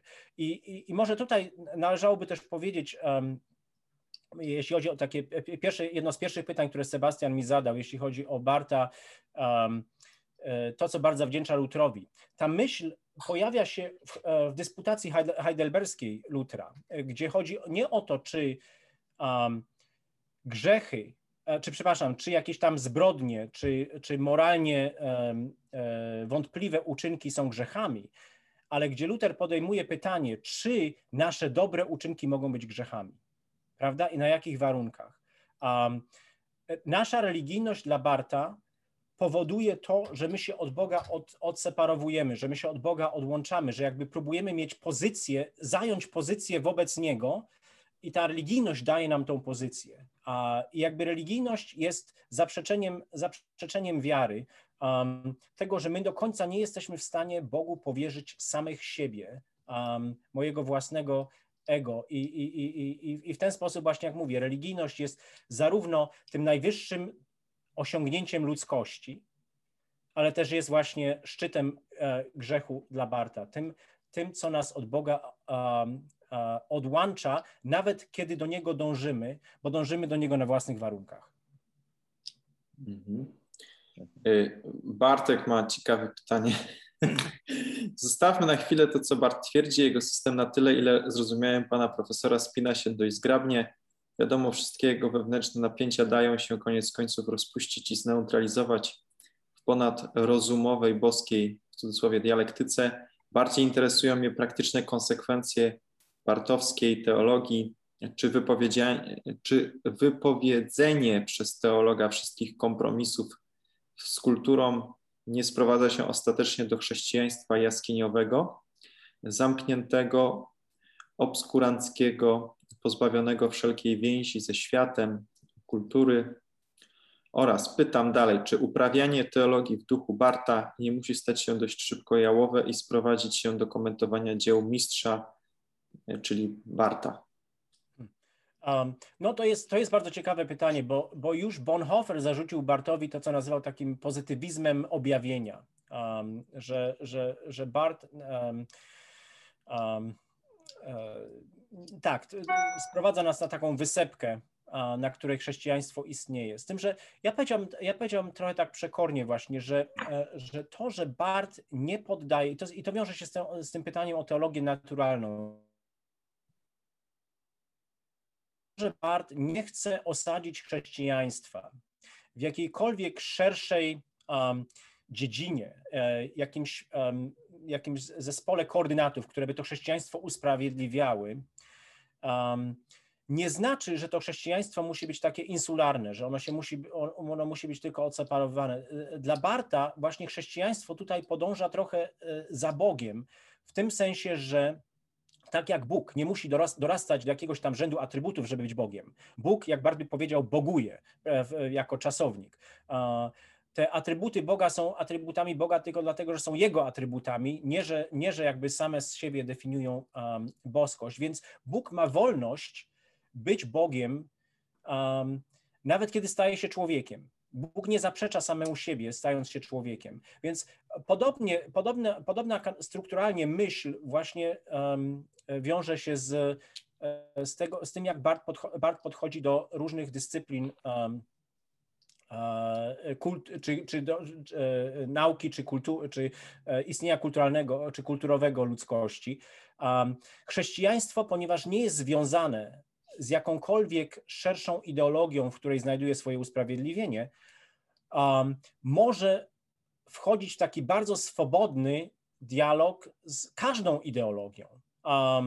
że może, wzi może wziąć z niej i, i, czy iść E, jakby drogą paralelną, prawda, równoległą z tą ideologią, że chrześcijanie, e, chrześcijanie są w stanie e, istnieć bardzo, jak żeby tak powiedzieć, na ziemi, że, że, że nie muszą unikać Um, e, tych różnych, e, że nie, nic nie stanowi dla nich zagrożenia, a więc mogą wchodzić jakby w dialog i rzeczywisty dialog z, z, um, z aspektami kultury. I tu na przykład warto podkreślić, bo Bart, Bart robi, to, robi to sam w dogmatyce kościelnej, um, bo mamy tam nie tylko y, takie sekcje, które zajmują się, prawda, powiedzmy Anselmem czy, czy Atanazjuszem i tak dalej. Mamy tam sekcje, które zajmują się tak egzegetycznie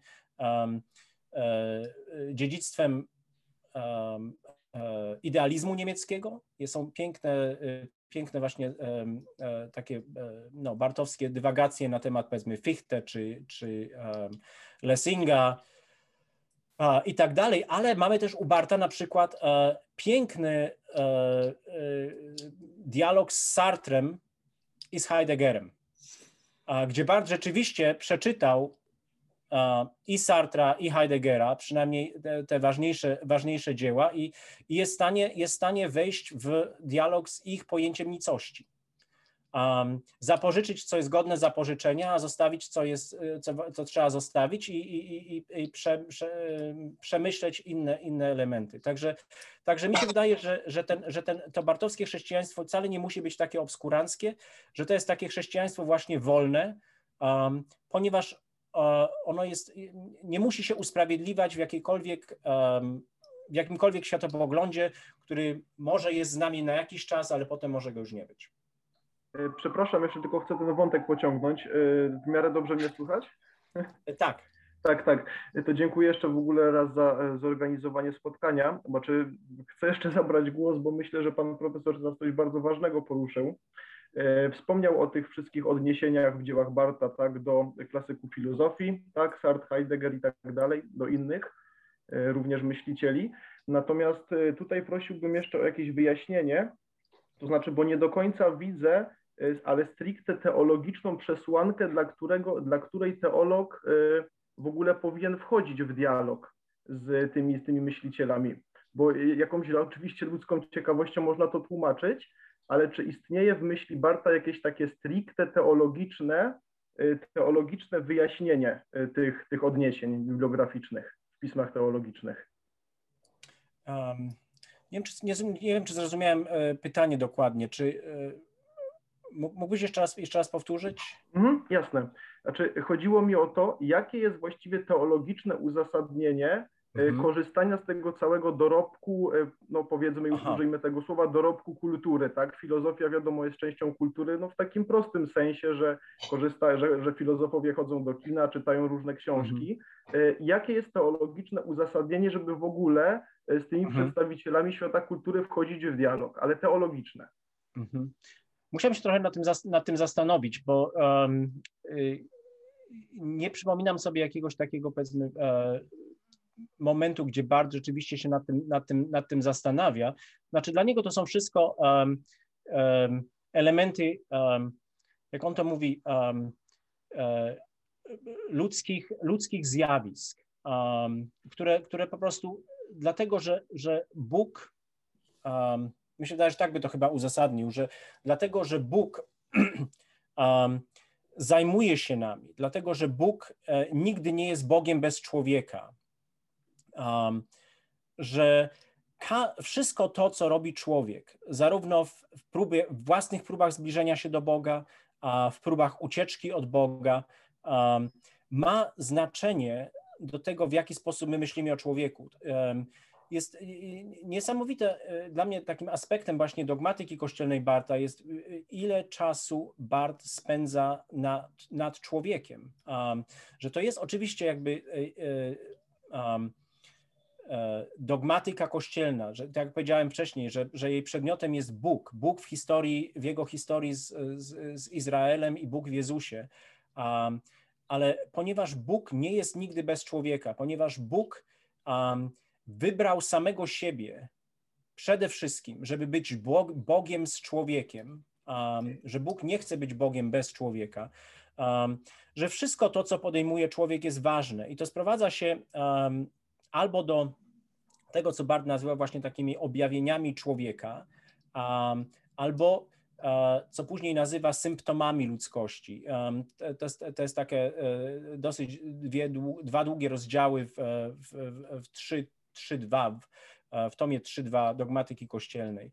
Um, te, e, te objawienia człowieka to jest to, w jaki, człowiek, w jaki sposób człowiek pojmuje samego siebie i, i, i bardzo zastanawia się nad ograniczeniami tych, tych wszystkich e, e, objawień i tak dalej. Natomiast później, e, kiedy już rozważa człowieka w Chrystusie, mówi o jakby symptomach naszego człowieczeństwa, o tym, w jaki sposób tworzymy kulturę i tak dalej. Więc um, nie wiem, czy to jest dokładnie odpowiedź na to pytanie, bo jak mówię, ja bym sobie to odpowiedź musiał trochę albo u Barta poszukać, albo spróbować ją sformułować w takich bartowskich kategoriach, um, ale, ale, ale cała, cała, cała, wszystko to, co tworzymy jako ludzkość jest dla Barta ważne, ponieważ wszystko to, może to właśnie też należy podkreślić, ma jakiś wymiar etyczny.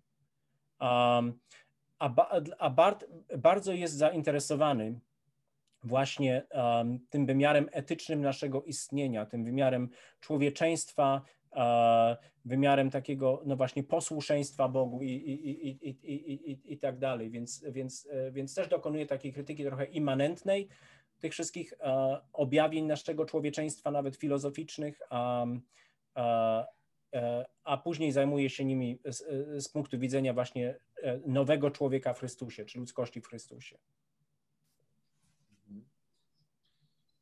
Dobrze. E, rozumiem, chyba nie ma już więcej pytań. E,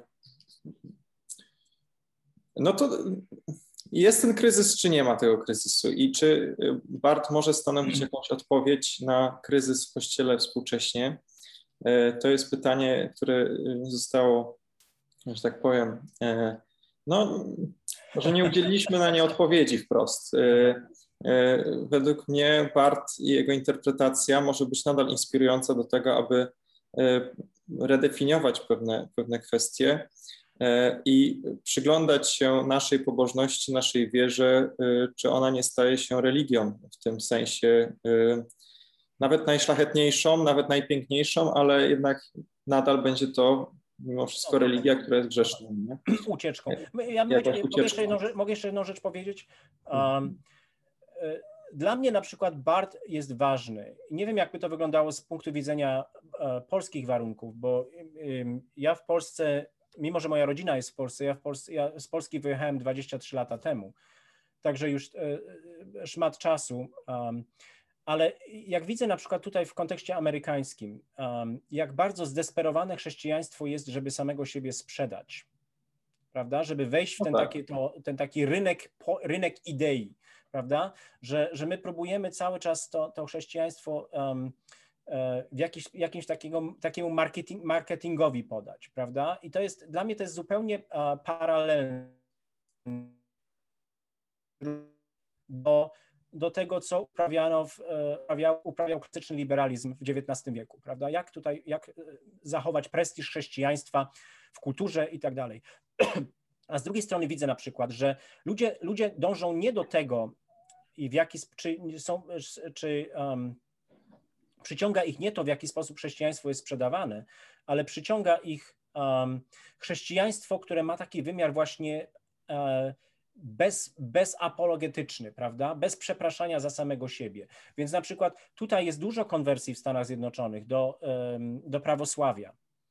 Um, mimo wszystko, e, pomimo wszystkich skandali na katolicyzm, um, na taki uh, katolicyzujący anglikanizm i tak dalej. Ludzie po prostu chcą doświadczyć czegoś, um, gdzie wszystkie ich pytania jakby są postawione pod znakiem zapytania, że, że um, nie tylko, nie chcą mieć, chcą mieć Boga nie tylko takiego, który jakby zmieści się w ich znakach zapytania, ale Boga, który jest o wiele większy niż ich własne znaki zapytania, który, który um, jest wyrażany w słowie, w geście sakramentalnym i tak dalej, więc y, dla moich studentów na przykład jest bardzo często takim właśnie trochę objawieniem, że rzeczywiście można o teologii myśleć trochę inaczej i o Kościele myśleć trochę inaczej i o chrześcijaństwie myśleć trochę inaczej i o pracy duszpasterskiej myśleć trochę inaczej. Mnie inspiruje bardzo Bonhoeffer i, i jego spojrzenie na, y, na Kościół, na wiarę. E, ale to jest uczeń Barta i bez y, Barta w zasadzie trudno zrozumieć Bonhoeffera. Także może nam się dzisiaj trochę coś rozświetliło, e, bo tutaj y, patrzę na Bogusława, e, jak mieliśmy spotkanie o Bonhoefferze, się głowiliśmy, co to jest ta religia, a może po prostu Bonhoeffer wziął te terminy od y, Barta. W każdym razie, może jeszcze jakieś pytanie. Jeszcze Darek Bruncz chciałby zadać pytanie, ale, ale coś ma problemy z internetem. Możesz mi napisać, Darek, to przeczytam to pytanie. Tak, jest, jest y, próba sprzedania chrześcijaństwa jak najlepiej. Jest próba właśnie wpisania go w kulturę, opakowania go w jakimś fajnej, fajnej postaci, w jakąś fajną formę, jakiś ładny papierek. No ale pytanie, czy to nie stracimy jakby tego, czym chrześcijaństwo powinno być w zasadzie, tak? Y, czymś, co jest no jak nietymczasowe. Czasem kultura jest, trwa, upada, E, no i co dalej, tak? E, czekam na pytanie od, od Darka Bruncza. E, I tutaj w Polsce chrześcijaństwo, jakkolwiek pojęte, jest raczej wiązane z katolicyzmem, tak? I mhm. zauważyłem, że są też teologowie w Kościele katolickim, którzy Barta cenili albo cenią jeszcze. Może, może niewielu jest tych, co jeszcze żyją. Swego czasu Alfons Nosol y, bardzo cenił y, Barta i się w nim specjalizował, arcybiskup Alfons Nosol. Dzisiaj trudno mi powiedzieć, jak, czy na wydziałach teologii katolickiej jest to. ten Bart obecny. To może. Tak. To może nie jest takie nazwisko Wiesław Szymona, dominikanin, Aha. profesor w, Kolegium Dominikańskim, który uważał, że Bart jest największym teologiem chrześcijańskim. No, odważnie. Katolik tak powiedział? Największy po Tomaszu z Akwinu. Miał tłumaczył Eckharta, to, to mhm. dużo, dużo, dużo ciekawych rzeczy. Znaczy w, kręgach, no. w kręgach katolickich na zachodzie jest taki trochę teraz renesans neotomizmu um, i renesans uh, różnych tomistycznych metafizyk. Um, więc uh, Bart nie jest taki popularny jak, jak kiedyś był i ja czasami mam wrażenie, że, to jest, że te, to posz, te poszukiwania metafizyczne to jest, uh, Bart skrytykowałby je na zasadzie, że to jest właśnie próba wierzenia w Boga um, bez wiary, bez takiego zaufania, bo, bo Bóg jakby prawda, y, dochodzi się do niego metafizycznie i, i on, on jest.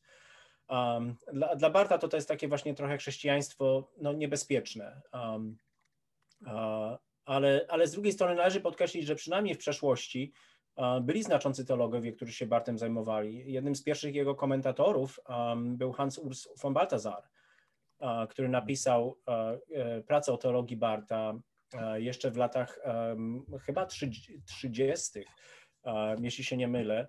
E, oczywiście niedawno zmarły Hans Kuhn. Jego praca e, doktorska też zajmowała się Bartem, usprawiedliwieniem mu Barta. Za co, za co chyba trochę miał problemów właśnie, jeśli chodzi o, ze strony magisterium Kościoła katolickiego. Także, także ten, ten BART, e, BART istnieje tutaj na, na, na, w Stanach e, bardzo często BART jest krytykowany za taką reakcyjność, jeśli chodzi o na przykład o pojęcie e, kategorii gender, roli kobiet i mężczyzn, więc z tym, że ja też bardzo często próbuję to zwalczać, bo to jest znowu sprowadzanie Barta do takiego jakby odrzucanie całości kiedy mamy problem z jakimś tam elementem, e, co bardzo często właśnie zdarza się w, w, w dzisiejszych czasach. E, od Darka Bruncza pytanie. E, w kontekście wypowiedzi księdza profesora o konwersjach. Kilkanaście lat temu była odezwa profesorów teologii luterańskich związanych z ELCA, tak? o konwersjach luterańskich teologów na katolicyzm, na przykład Matox, o ile pamiętam. Czy może ksiądz potwierdzić, że większość konwertujących luteran z ELCA przechodzi na katolicyzm, a tych z LCMS na prawosławie? Jeśli to prawda, to dlaczego, w jaki sposób luteranizm jest, jako droga środka jest w ogóle zdolny temu przeciwdziałać? I na ile Bart jest do zagospodarowania w apofatycznej teologii prawosławnej, na ile zdaniem księdza Harold Bart może być e, atrakcyjny dla prawosławia? To, jest, to, są, to są pytania na, na o, wiele, o, wiele głębszą Na kolejne spotkanie. A, tak, tak, na kolejny, na kolejny program. Znaczy, tak, rzeczywiście sporo e, teologów um, luterańskich przeszło na katolicyzm.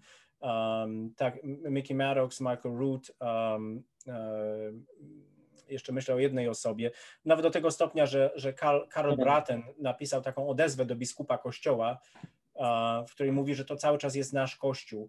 Znaczy, wydaje mi się, że, że, że po stronie, czy ze strony ELCA, czyli tych powiedzmy w cudzysłowie liberalnych luteran, to, co odrzuca niektórych teologów, jest, jest to, w jaki sposób oni postrzegają takie zaangażowanie Kościoła w różne, no powiedzmy, krucjaty społeczne.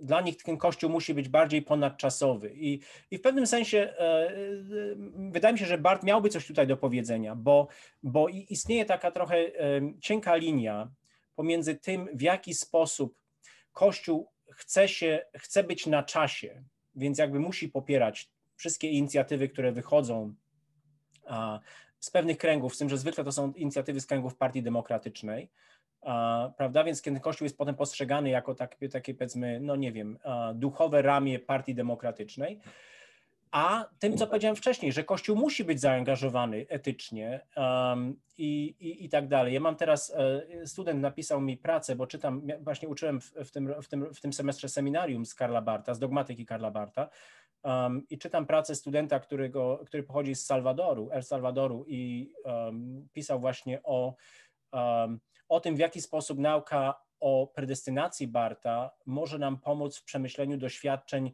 jak on to ujął, ukrzyżowanych kobiet w Salwadorze, czyli, czyli jakby e, no, e, przemocy wobec kobiet. E, I bardzo ciekawą pracę napisał na, napisał na, ten, na ten temat, więc, więc to, to mi się wydaje jest problem po stronie, po stronie ELCA, że Kościół jest postrzegany z całym jego aktywizmem jako znowu wpisujący się w ten projekt takiego no, kulturowego usprawiedliwienia chrześcijaństwa. Więc ci teologowie widzą w katolicyzmie jakby taki, no powiedzmy, odskok do czegoś, co, gdzie ten kościół jest, jest um, e, no nie jest taki niesiony przez kolejne fale kulturowe, um, że ten kościół ma taki, ma taki wymiar ponadczasowy. Um, więc to, jest, więc to jest prawda. Z kolei w, e, w, e, w, w, w Missouri Synod ja znam sporo pastorów, którzy przeszli na prawosławie. Um, tylko jeden taki wybitny teolog, Jarosław Pelikan, um, ostatecznie um, przeszedł na prawosławie, który był związany wcześniej z synodem Missouri, ale synodem Missouri takim dawniejszym, przed tymi wszystkimi walkami o Biblię. Um, e, z tym, że w, w, w to, co, to, co jest w, w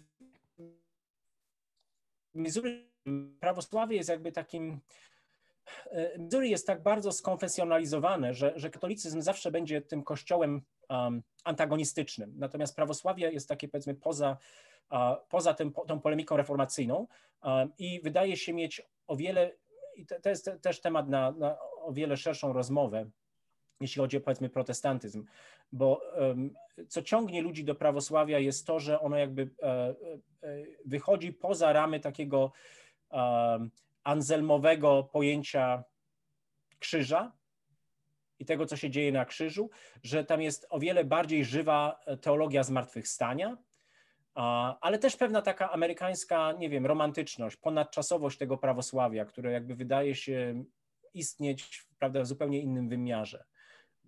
Mhm. Tak, tak. Kolega właśnie, e, mój dobry znajomy z Luther Seminary, e, katolik notabene, pisze o tym magisterkę, o, o krytyce Anselma E, no więc się ten biedny Amstel nawinął do bicia. E, no ale e, to, to się pokrywa z tym. Kulturowy protestantyzm, kulturowy katolicyzm, można nawet powiedzieć też w Polsce jest obecny. Dobrze, no żeby nie przedłużać i zostawić jednak jakiś tam niedosyt, E, może, może następnym razem jeszcze zaprosimy księdza Piotra Małysza do nas na pogawędkę. Bardzo chętnie, bo, bo, bo jedyną, jedyną, moją taką, e, takim żalem dzisiaj będzie to, że, że w zasadzie ja wam trochę opowiedziałem o takich powiedzmy parametrach teologii Barta, ale że nie weszliśmy w żadną konkretną doktrynę.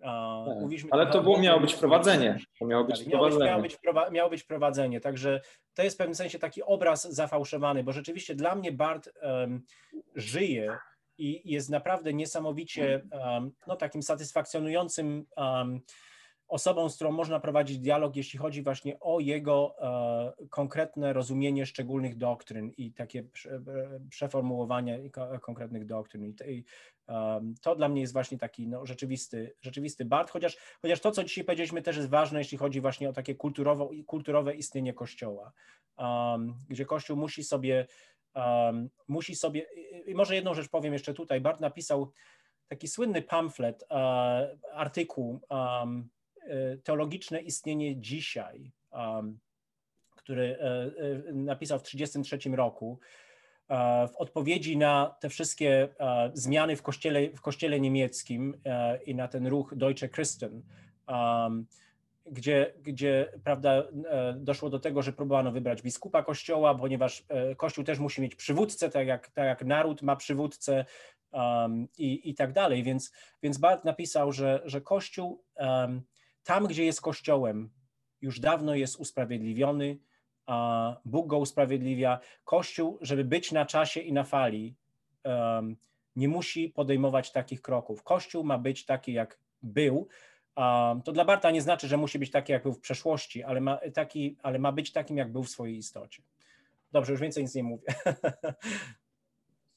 Tak, ten e, Kirchenkampf też jest ciekawy, ta, ta walka w łonie Kościoła, ale o tym trochę już mówiliśmy na poprzednich sesjach. No dobrze, dziękuję serdecznie za e, spotkanie e, i za te wszystkie głosy.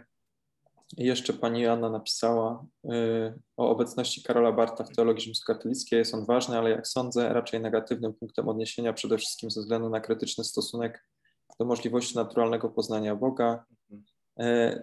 Jasne, jak najbardziej. Drodzy Państwo, jeżeli chcą Państwo być e, na bieżąco z wydarzeniami e, organizowanymi w ramach tych spotkań, to trzeba napisać na nasz adres mailowy, który tutaj mogę podesłać na szybko i tam co tydzień informuję o kolejnych spotkaniach. Jest to www.warszawa, myślnik Trojca, myślnik studenci, małpaluteranie.pl E, na następnym spotkaniu, już mogę powiedzieć, za e, dwa tygodnie będziemy mieć temat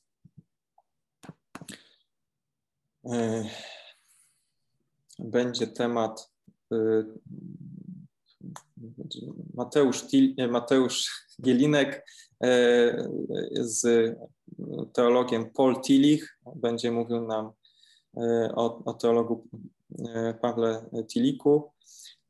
To jest teolog też no, pochodzący z, z Niemiec, ale wyemigrował do Stanów i tam, tam tworzył. Mateusz Ilinek jest doktorantem Chrześcijańskiej Akademii Teologicznej w Warszawie. Jest, jak on to nazywa, psychofanem Pola Tilicha i, i, i on trochę inne spojrzenie z kolei na, na te problemy, o których mówiliśmy. Zapraszam. Dosłownie, dokładnie będzie to 20 maja. Tyle na dzisiaj. Zostańcie z Panem Bogiem. Pozdrawiam Was serdecznie. Dziękuję bardzo z Bogiem i pozdrawiam. Dziękuję Piotrze. Dziękuję.